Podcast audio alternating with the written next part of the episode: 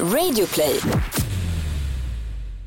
I den här podden tar vi till största del upp obekräftad information. Var därför kritisk till informationen som presenteras i avsnittet. Sweden announced that tough prosecutor Krista Peterson will relaunch the probe into the 1986 murder of Prime Minister Olof Palme. Still a mystery three decades on despite countless leads.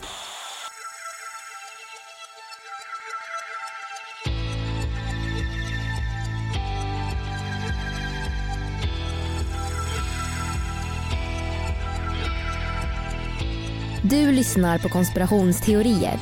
En podcast med mig, Vivi. Och mig, Aida.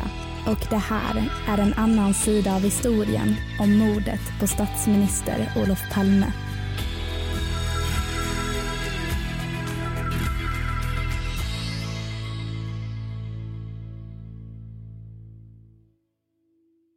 I tidigare avsnitt av Palmemordet. Det är en kylig fredagskväll den 28 februari år 1986. Gatorna är blöta och Stockholms karaktäristiska skyltar av neonlampor lyser längs butikernas skyltfönster. Strax efter klockan 23 lämnar en mycket välkänd man biografen Grand för att promenera hem. Mannen är Socialdemokraternas partiledare och Sveriges statsminister Olof Palme som tillsammans med sin fru Lisbeth går längs Sveavägen. Men snart kommer det ofattbara hända och han vara död. Statsminister Olof Palme är död. Han mördades mitt i centrala Stockholm strax efter klockan 11 igår kväll. Direkt efter mordet och egentligen fortsatt under natten och under utredningen så var det inte mycket som fungerade rätt. Man skulle helt klart kunna säga att det var kaos. I del 1 och del 2 av Palmemordet har vi pratat om de fyra spår som polisen har utgått ifrån gällande mordet. Vi har pratat om teorierna kring 33-åringen, PKK-spåret, Sydafrikaspåret och om polisen var inblandad. I det här avsnittet, i del 3, ska vi prata mer om de konspirationsteorier som finns om Palmemordet.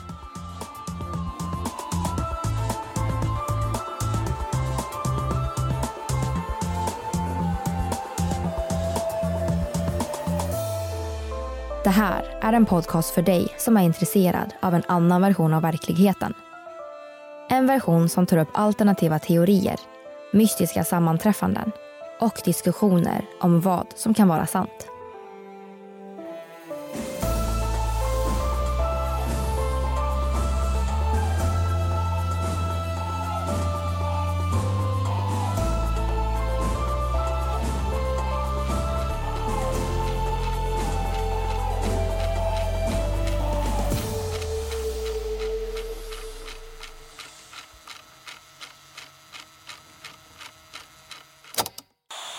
Do they not know who did it? The fact that they don't know who did it and it is still unsolved and it is still an active case, that makes me think that it might have been a political thing or a government based thing.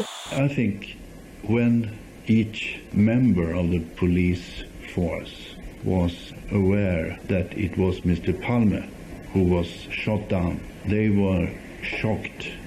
So they didn't do what they used to do, didn't carry out their duties in, in, in a proper way. Vi hoppar direkt in i konspirationsteorierna.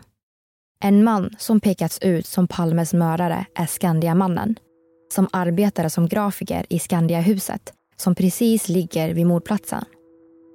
Teorin om Skandiamannen slog igenom först efter 2016 när både böcker och artiklar började berätta om en man som mycket möjligt kunde passa in som gärningsmannen. Men vem var egentligen Skandiamannen? Och vad gjorde han under mordnatten? Mannen arbetade sent under fredagskvällen. Sportlovet låg runt hörnet och det låg mycket kvar på arbetsbordet som skulle avklaras innan han fick gå hem. Någonstans kring 20-tiden gick han ut för att äta.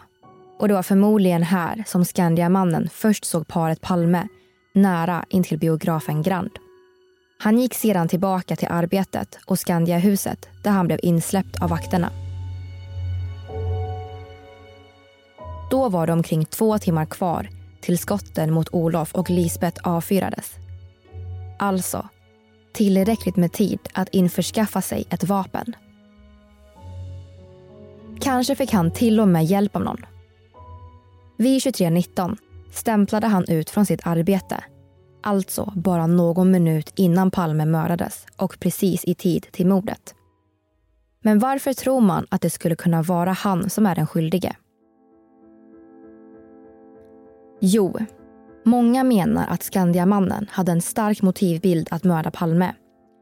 Eftersom han var Palmefientlig och både hade ett personligt och ett politiskt motiv att utföra mordet. Var det ett planerat mord? Eller fick han kanske idén när han åt sin middag vid 20-tiden och påmindes om sina starka åsikter om Palme när han såg makarna vid biografen? Det är inget vi vet. Inte än. Men enligt flera vittnen på platsen så passar hans kläder in på iakttagelser av mördaren. Han hade även glasögon och en keps med öronlappar. Kan det ha varit ett medvetet klädval av någon anledning? Omkring 20 minuter efter skottet var han tillbaka i Skandiahuset där han anlände i chock och sökte upp väktare för att berätta något. De hade svårt att förstå vad han försökte berätta.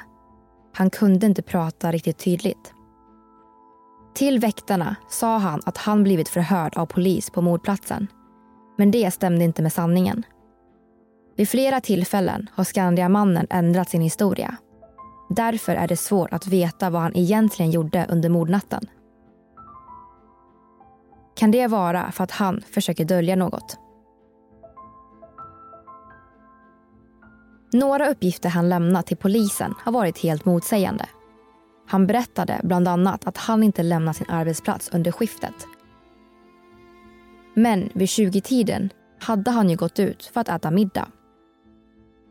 De här uppgifterna blir väldigt relevanta då det var omkring 20–21 som Lisbeth och Olof var på väg till bion utan livvakter. Något som Skandiamannen kan ha uppmärksammat och sett som sitt gyllene läge.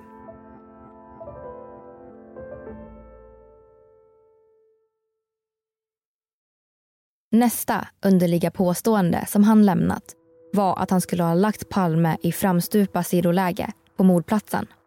Samtidigt som han också har berättat att han också sett Palme få hjälp av andra. Han la aldrig Palme i framstupa sidoläge. Så varför han sagt det är fortfarande oklart. Var Skandiamannen Palmemördaren? Var han delaktig i en konspiration? Eller var han bara en man som behövde arbeta över och som slutligen befann sig på fel plats vid fel tid? Det har även väckts en fråga ifall Rysslands underrättelsetjänst, KGB, kunde ha varit delaktiga i Palmemordet. Enligt konspirationsteoretiker finns det en teori att man på ett möte i Schweiz diskuterade att vilja få Palme ur vägen. Och möjligen var det just de som lyckades med det. KGB är kända för att ses som en av världens största spionorganisationer.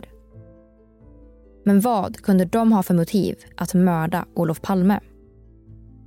Anledningen tros kunna vara att Sveriges statsminister inte ville lyda order. Men vilka order det sägs vara vet vi inte. Det har funnits misstankar kring vem det var inom organisationen som faktiskt tagits in på förhör av polisen. Men han har friats. För utredarna kunde inte hitta några motiv eller bevis för att KGB skulle vara skyldiga. En annan teori är att Palme fick veta att det eventuellt fanns en politiker i Sverige som samtidigt agerade spion åt Ryssland. Det finns nämligen flera namngivna personer i Palmes närhet som man i efterhand tror kan ha varit KGB-infiltratörer. Om Palme fick vetskap om det här så kanske man insåg att den enda utvägen för att informationen inte skulle spridas var att mörda honom. Det finns flera teoretiker som tror att KGB infiltrerade Socialdemokraterna och att det var planerat att personer runt Palme skulle göra ett maktövertagande i Sverige när tiden passade. Ville KGB försöka framtvinga ett samarbete mellan Sverige och Ryssland på något sätt? Var tanken att Sverige skulle bli en Sovjetstad? Sen har vi såklart den här intressanta teorin. Att den amerikanska underrättelsetjänsten CIA mördade Sveriges statsminister.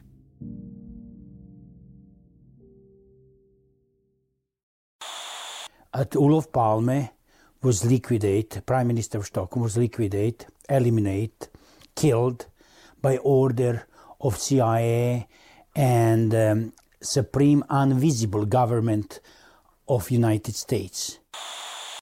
Det finns både konspirationsteorier om att CIA själva mördade Palme men även om att CIA planerat mordet tillsammans med någon annan underrättelsetjänst i världen. Eller till och med tillsammans med den svenska säkerhetspolisen.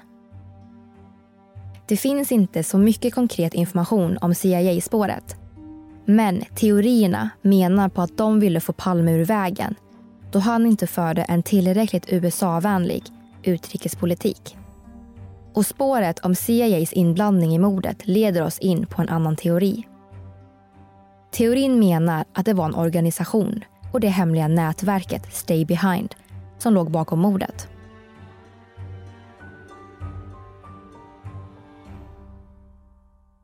Bakgrunden till Stay Behind är att under och efter andra världskriget och kalla kriget så skapades hemliga arméer av Nato i flera europeiska länder.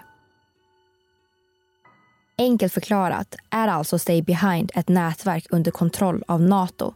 En trygghet som kunde göra motstånd ifall det skulle komma att bli en sovjetisk invasion. Så anledningen till dessa topphemliga underjordiska nätverk var att bygga upp motståndsgrupper som kunde bekämpa fienden som efter andra världskriget bestod av Sovjetunionen och kommunismen. Stay Behind blev aktiva inom politiken i flera länder för att kunna hålla kommunismen borta från makten. Men framförallt USA och Storbritannien i spetsen. Och enligt flera konspirationsteoretiker verkar det finnas en koppling mellan Stay Behind i Sverige och mordet på statsminister Olof Palme. Även om teorierna har tagits upp lite grann i granskningskommissionen på 90-talet så utreddes inte spåret speciellt väl.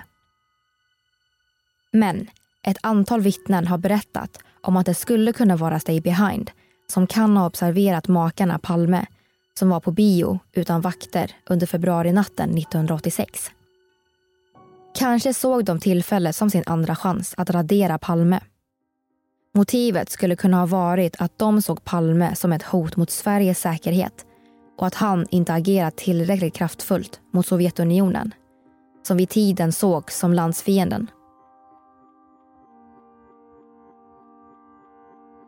Enligt sanningskommissionen, som beskriver sig som en fri och oberoende kommission med funktioner att granska och utreda mordet på Olof Palme, så kände Olof Palme till Stay Behind i Sverige och kunde ibland delta i mötena utan någon speciellt ledande roll. Det skriver de på hemsidan sanningskommissionen.com.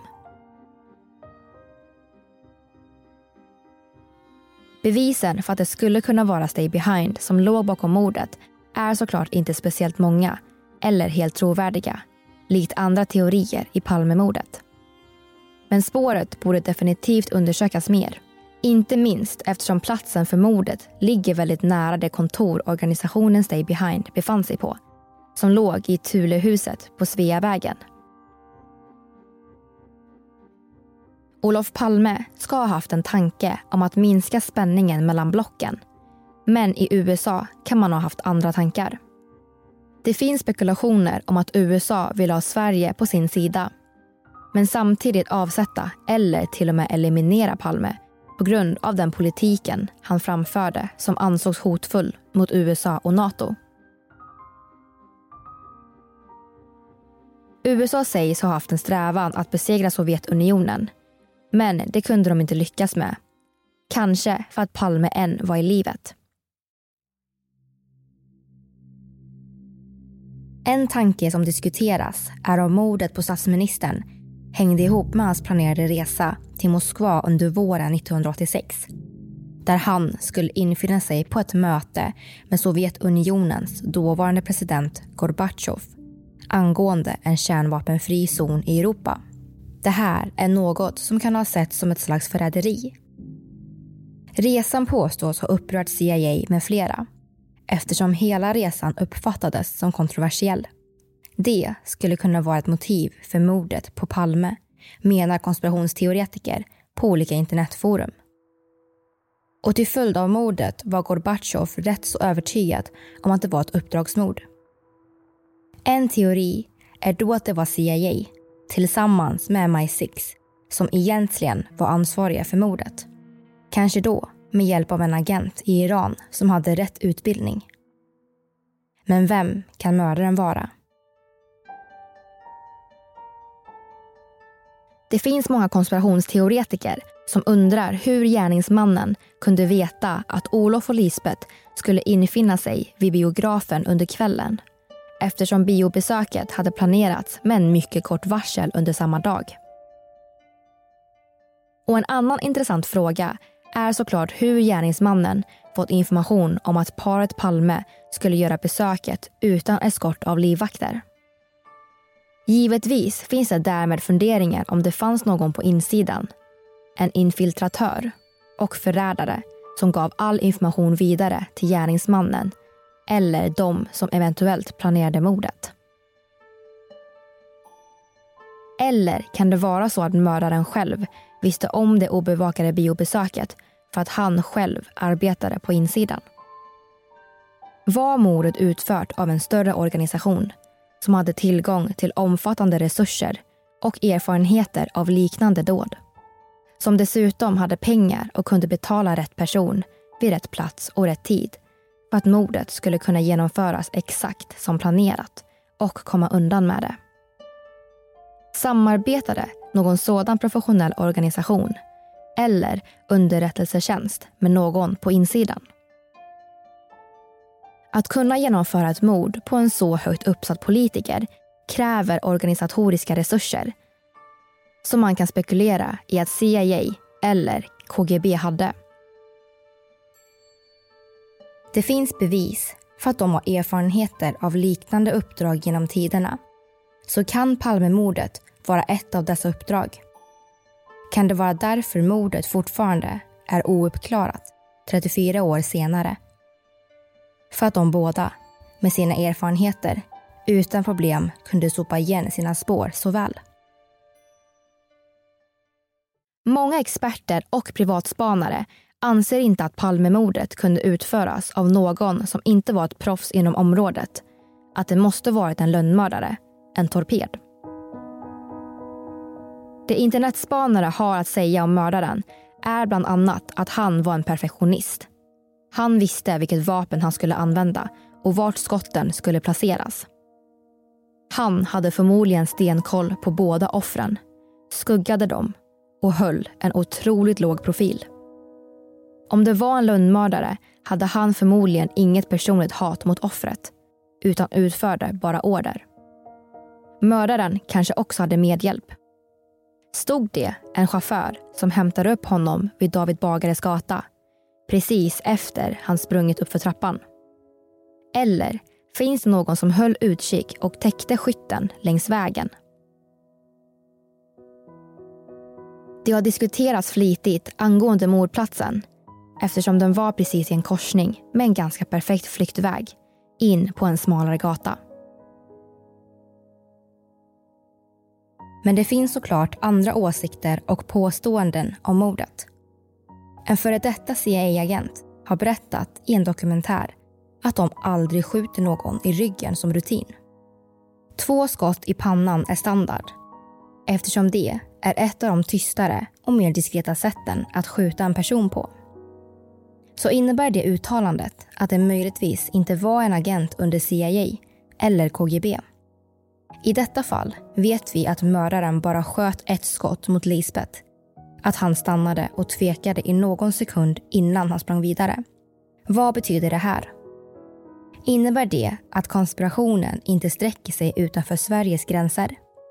Eller var mordet på Sveriges statsminister Olof Palme en konspiration av CIA, KGB eller någon annan underrättelsetjänst i världen?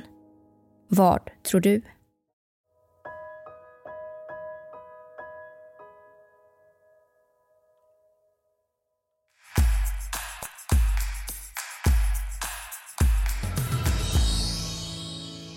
Allesammans! Hej. Nu har ni fått höra sista delen av Palmemordet. Och det finns såklart massor med mer information att läsa på om och djupdyka i för den som vill. Vi har i alla fall introducerat er till de konspirationsteorier som finns om Palmemordet då. Så nu är det upp till er själva att avgöra om ni tror på någon av dessa. Och för er som inte är lika insatta så kan ni ju gå in där för att läsa om vad andra tror på. Precis. Men innan vi avslutar det här avsnittet så tänkte vi bara diskutera lite, du och jag. Eh, och vi kan ju börja med det mest intressanta och det är ju om utredningen. Och under det första halvåret av 2020 så har ju den nya chefsåklagaren Christer Petersson sagt att de kommer att meddela i åtalsfrågan. Och det innebär ju att de kommer att antingen åtala någon eller så läggs utredningen ner.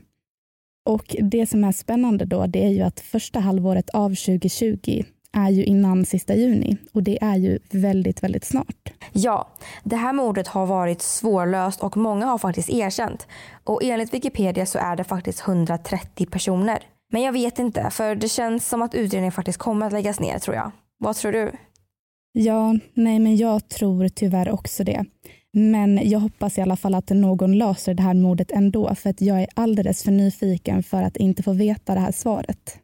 Ja, det hoppas jag också och precis som dig så är jag ja, lika nyfiken och vi är nog inte de enda. Vi har nog massa lyssnare som är hur nyfikna som helst. Eh, ja, men det har vi ju och eh, speciellt de som levde på 80-talet tror jag vill veta vad som hände. Ja, men verkligen. Ja, men du har väl hört att flera experter typ säger att Palmes mördare troligtvis är död. Jag för mig att jag läste i någon artikel. Mhm. Men om vi säger att han var ungefär 40 när mordet inträffade så finns det väl en chans att han är vid liv idag eh, och kan ställas inför rätta, tänker jag. Eller man kan ju hoppas det i alla fall.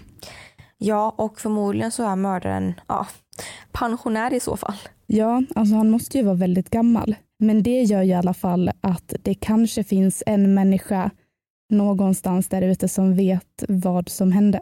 Ja, och att de har hållit det här hemligt så länge och har kommit undan med det är faktiskt helt sinnessjukt. Ja, men du, jag har en fråga. Mhm. Tror du att Palmes mördare var en vanlig person som inte hade någon erfarenhet av det här eller tror du att han var en professionell mördare? Jag har faktiskt ingen aning. Efter de här avsnitten så är jag helt kluven. Ja, Jag tror på typ lite av, var- nej inte lite av varje men jag vet inte, jag känner mig väldigt, väldigt kluven så jag har faktiskt ingen aning vad jag tror. Jag väntar bara på att det här ska bli löst så att jag kan få veta vad som faktiskt hände för jag har ingen åsikt just nu. nej. Du då? Nej, alltså jag är exakt lika kluven som du är. För att det finns ju så många experter som har eh, liksom sagt det ena eller det andra så jag vet faktiskt inte vad jag tror. Mm. Så där känner jag att ni lyssnare får hoppa in och eh, svara på den frågeställningen. Så kanske vi får lite mer insikt. Absolut. Så ja, det här var allt vi hade om Palmemordet och vi hoppas att vi får höra från er i eftersnacksgruppen. Ja, och så får ni komma ihåg att eh, gilla oss på Instagram och Facebook där vi heter konspirationsteorier. Ja, och glöm inte att kommentera på iTunes om vad ni tycker om podden och även ifall ni har några tips på vad vi kan prata om i kommande säsonger. Och nästa veckas avsnitt så kommer vi att ta upp en konspirationsteori om, Något som man trodde på förr. ja, och som vissa personer faktiskt tror på idag. Och det är konspirationsteorin om jorden faktiskt är platt. Japp, så kom ihåg att lyssna då nästa fredag. Ja, så ha det så bra tills dess. Ja, och kom ihåg att ta hand om er och varandra. Hej då! Hej då!